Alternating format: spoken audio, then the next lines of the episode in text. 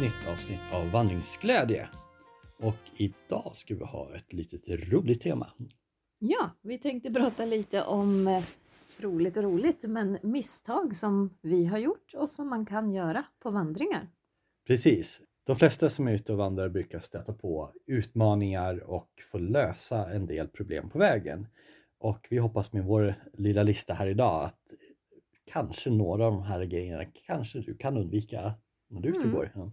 Även om man lär sig av alla misstag man gör så är det ändå vissa man kan tycka det är ganska skönt att slippa. ja, precis. Det är väl mest det. Ja. Mm. För att, och allra helst om det inte bara drabbar en själv, om man har barn med sig eller sådär så kan det vara jättebra. Mhm. Så vi har några eh, vanliga misstag kan man väl säga, för det kan det verkligen vara. Ja, och en av dem som jag märkt det är det här med att ha för lite mat med sig. Och det handlar ju kanske inte bara om portionsstorlek utan kanske också det här att man har lite reservmat. Eh, har man soppor, grytor, liknande. Man kan spilla ut eh, och går man långt så kan man bli väldigt trälig när man inte har tillräckligt och fått upp blodsockret. Så vi brukar ha eh, en del eh, både frukt och en del snacks. Mm. Man behöver fylla på lite extra. Och det kan ju också vara så att vi hade någon gång frystorkat och det svällde inte som det skulle. Det, Nej. blev, det blev inte alls bra. Det var något fel på den förpackningen och då står man också där. Och som du sa, spilla ut mat, det är ganska Ja. lätt hänt. Alltså jag tänker så här, när man är ute och går och man gör av med mycket energi så blir ju lite grann av vandringens höjdpunkt ibland att, att få liksom sitta ner och äta så där och, och hela den borta då kan man bli rätt besviken. Ja, så ta hellre med lite för mycket än för lite. Stoppa ner lite choklad och nötter och godis och frukt och grönsaker. Och, Kanske någon bar som det inte är sommar. Mm. För sommar har jag märkt att det blir lätt kladdigt och nästan äckligt. Mm. När vi gick Sankt Olofsleden så hade vi, det vi tyckte var så lyxigt då, det var ju att ha med någonting riktigt fräscht. Vi hade ju en hel del tråkmat ibland, alltså blåband, soppor och sådär för att komma ner i vikt. Men när vi fick ett riktigt fräscht äpple, då var det ju som allt var som eh, Mm. på topp och lyxigt. Ett rött krispigt äpple, det var lyxen på dagen. Ja. liksom. Även om vi inte alltid mättar så mycket. Så kanske flera olika matkärl kan vara ett sådär bra Mm. tips. Ett annat eh, misstag som jag har råkat ut för flera gånger, som jag inte har lärt mig av jämt, det är att inte gå skoterled på sommaren. Och, hur kommer det sig? Det är framförallt när man är uppe på fjällen, i fjällen liksom så och eh, det kommer sig väl så att det ser så himla bra ut när man tittar på de här lederna. De går perfekt sträcka lite runt, man ser liksom bara att här är det märkning. Och sen när man inser att en skoterled, där kör ju skotrar på vintern när det är kallt och fruset. Så inser man också att det kan vara över en ganska bred bäck, det kan vara över sankmark, det kan vara Myr. myr. Ja. Och jag har ju faktiskt lärt mig den läxan nu, hoppas jag. Men det är inte länge sedan jag gjorde det misstaget och fick vada över en stor bäck och gå i sån här sankmark. Så att det, det är väl också ett sånt där tips som man kan tänka på. Var noga med att titta vad ni ska gå för led och att det är en sommarled finns det ju då, vinter och sommarled uppe i fjällen som är jättebra utmärkta. Eh, för den är inte rolig att upptäcka att den... Ja, det är lite synd att man inte kan använda dem på, på sommaren på samma sätt just för att de är ju bra uppmärkta. Jo, och har man en bra fjällkarta så kanske man ser väldigt tydligt och har lärt sig hur man ska använda det och då kan man ju absolut gå en viss del på skoterled eller vinterled. Men för en nybörjare så tror jag att det är bra att hålla sig till sommarled, vandringsled, för det är skillnad. Så um, undvik skoterled på sommaren. Ja, det är nog vettigt. Och det är väl just det här misstagen som man kommer på efter att ha begått dem ett par gånger. Mm. Nästa som vi har tänkt lite grann på är det här med ny utrustning. Eh, och kanske då speciellt när det kommer till skor och kängor. Att eh, jag har ju fått ganska mycket skor eh, i mina dagar. Så jag har haft ganska mycket så här vandringsskor och vandringskängor. att välja på. Men att inte ha gått in alla utan liksom till, ja men de här är lagom höjd på. Och de kan vara sköna när man går hemma några hundra meter men när man har gått ett antal kilometer eller mil så kan det vara en sån plåga för fötterna. Och många bra kängor, de tar ju ett tag att gå in. Mm, absolut, så att börja med att gå så här kortare turer, ja nästan gå hemma med liksom i början. Eh, och gärna dubbla strumpor för att undvika skavsår. Och det kan ju vara annat än skor också. Det kan ju vara en byxa som är ny som skaver någonstans eller inte alls sitter skönt eller det kan vara eh, en hängmatta eller tält man har köpt och ska prova och bara ger sig ut och har aldrig provat att sätta upp det och står där och kliar sig i huvudet. Ja, det har vi ju märkt när det blivit mörkt när vi försökt få upp våra hammockar att det var svårt där om man liksom har inövat grepp eller vet allting när vi stod med, stod med ny utrustning. Mm. Ja, vi fick ju tips av en kompis då som hade kampat mer med hammock och ja men gör så här istället. Men gud vad enkelt det blev. Mm. Ja men det, det, det, är skönt att vara förberedd sådär. Men jag tror att vi har ju hört en hel del som eh, har gått den långa kaminon nere i eh, Frankrike, Spanien och har åkt ner med nya skor. Att man säger, ja nu ska jag ha nya skor, jag ska gå långt, de ska vara bra, de ska vara fräscha sådär. Och det blir stora problem för fötter, blåsor och så vidare.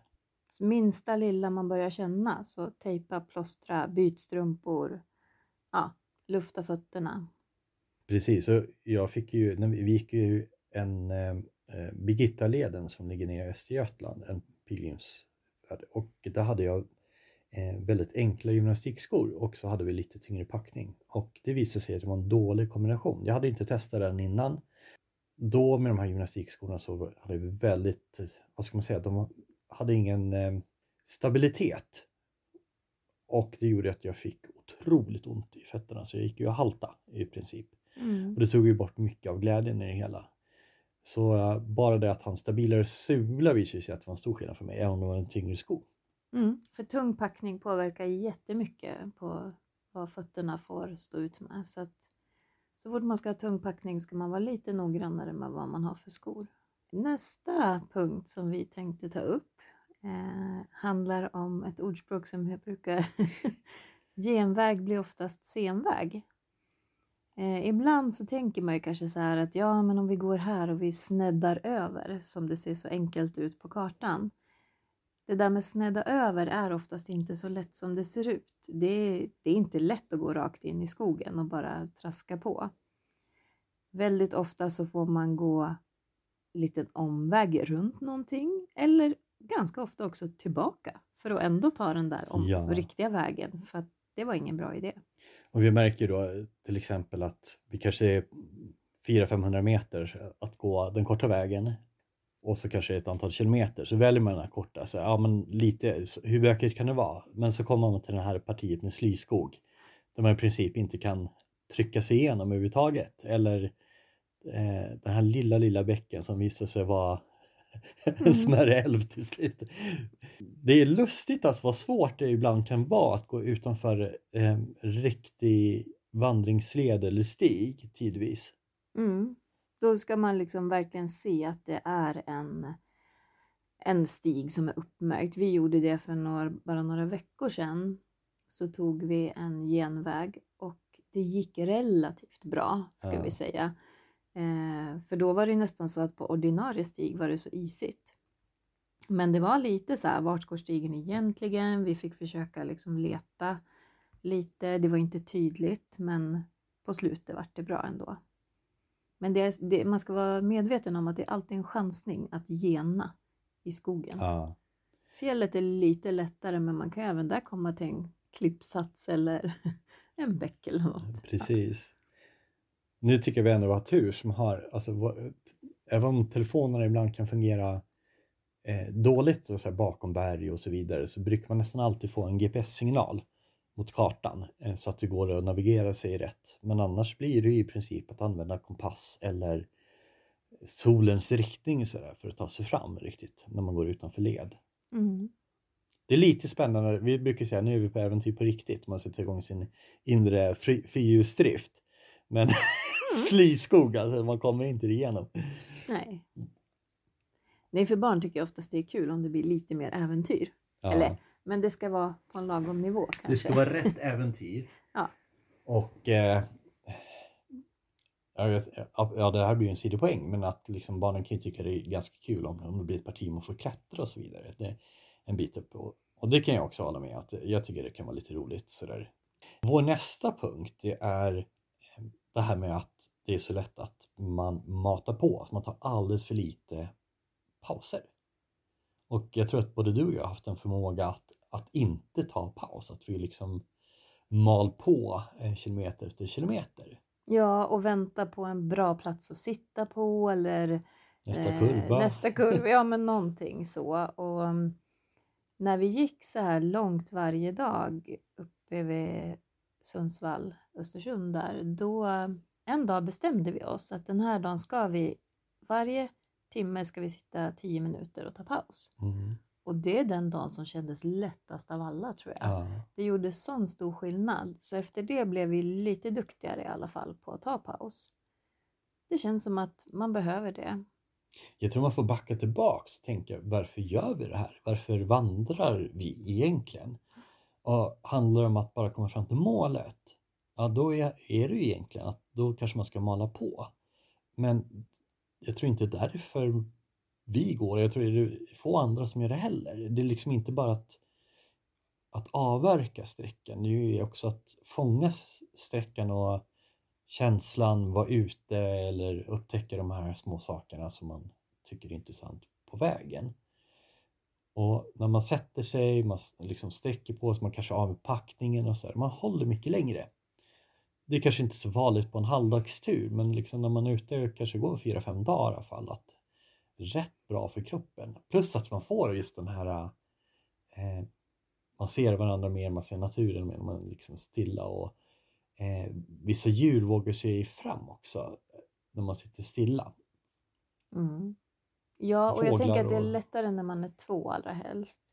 Jag går ju ibland själv så här halvdagar och då tycker jag det är ganska svårt att pausa. Jag Ja. har inte ro. Men samtidigt så kan jag ju verkligen gå i mitt eget tempo. Så att, och som sagt, det är oftast inte mer än en halvdag och då Ja. funkar det. Och det är nästan svårare att gå långsamt än att, att liksom gå fort. Mm. I alla fall i, som jag Mm. upplever mig själv att det liksom, jag har, har en ganska hög takt om jag går själv.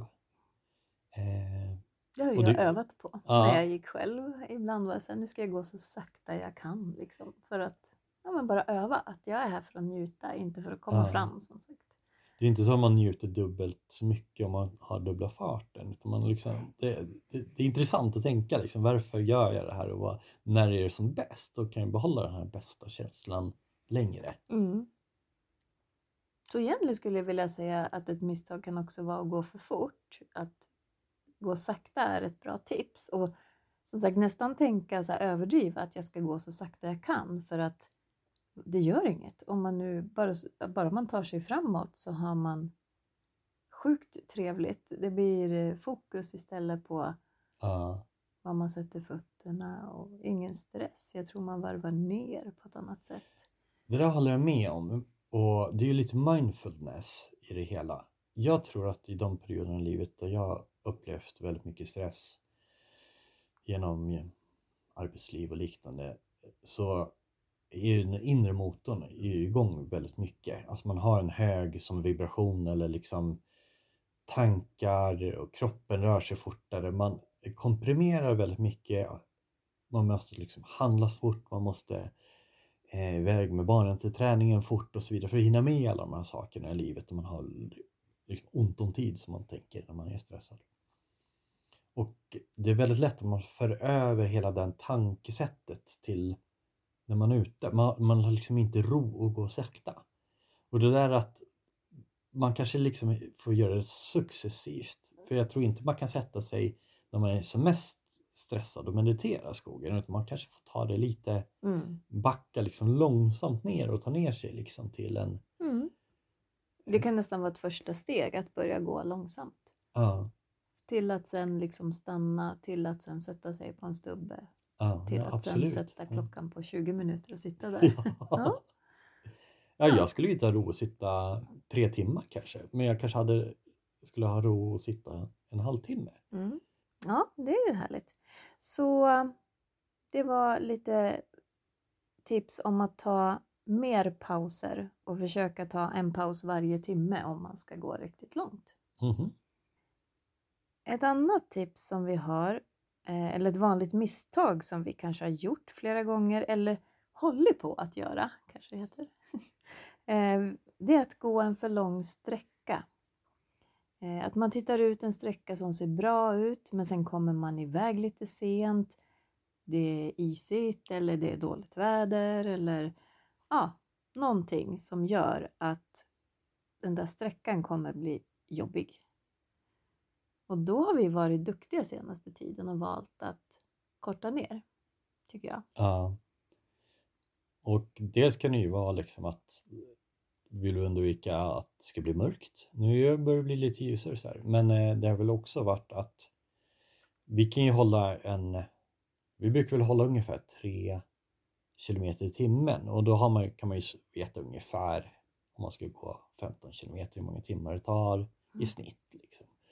Eh, men när vi gått riktigt dåliga vägar med mycket is och liknande så kanske man är nere på, alltså det låter ju roligt nästan med en kilometer i timmen men det är ibland det. Mm. Det går otroligt långsamt ibland.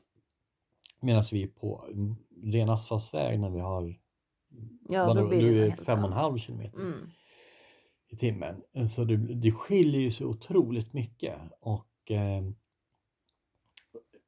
höjdmeter och underlag tror jag är verkligen det som gör, alltså när det blir tekniskt svårt, det går långsamt. Mm, för vissa stigar är otroligt tekniska Ja. och det står ingenstans. Det är väldigt sällan en varning för det. Men vi har upplevt ganska många gånger att det är tekniskt och det är ganska bra stigningar. Ja. Så man kan vara ganska nöjd med en kortare sträcka än den är teknisk eller att dåligt underlag eh, istället för bara att man ska runt den här eh, Mm. två milen eller vad det nu kan vara. Ja, för att om man nu tänker det 3 km i timmen som är lite normalt för vandring i skog Mm. så ja, på fem timmar hinner du 15 kilometer. Och sen ska du kanske stanna och äta en hel timme om du ska laga mat eller göra eld eller Ja. bada eller och då är det sex timmar och ja. Precis, och vill, sen vill man ju få in de här små pauserna och ja, det är Mm. mycket som ska med liksom. Ja. Och eh, det är just det här med, kanske vi kan koppla lite till det vi sa nyss då, med att har man då tagit en för lång sträcka och märker att tiden börjar bli knapp, eh, att det kommer in den här stressen.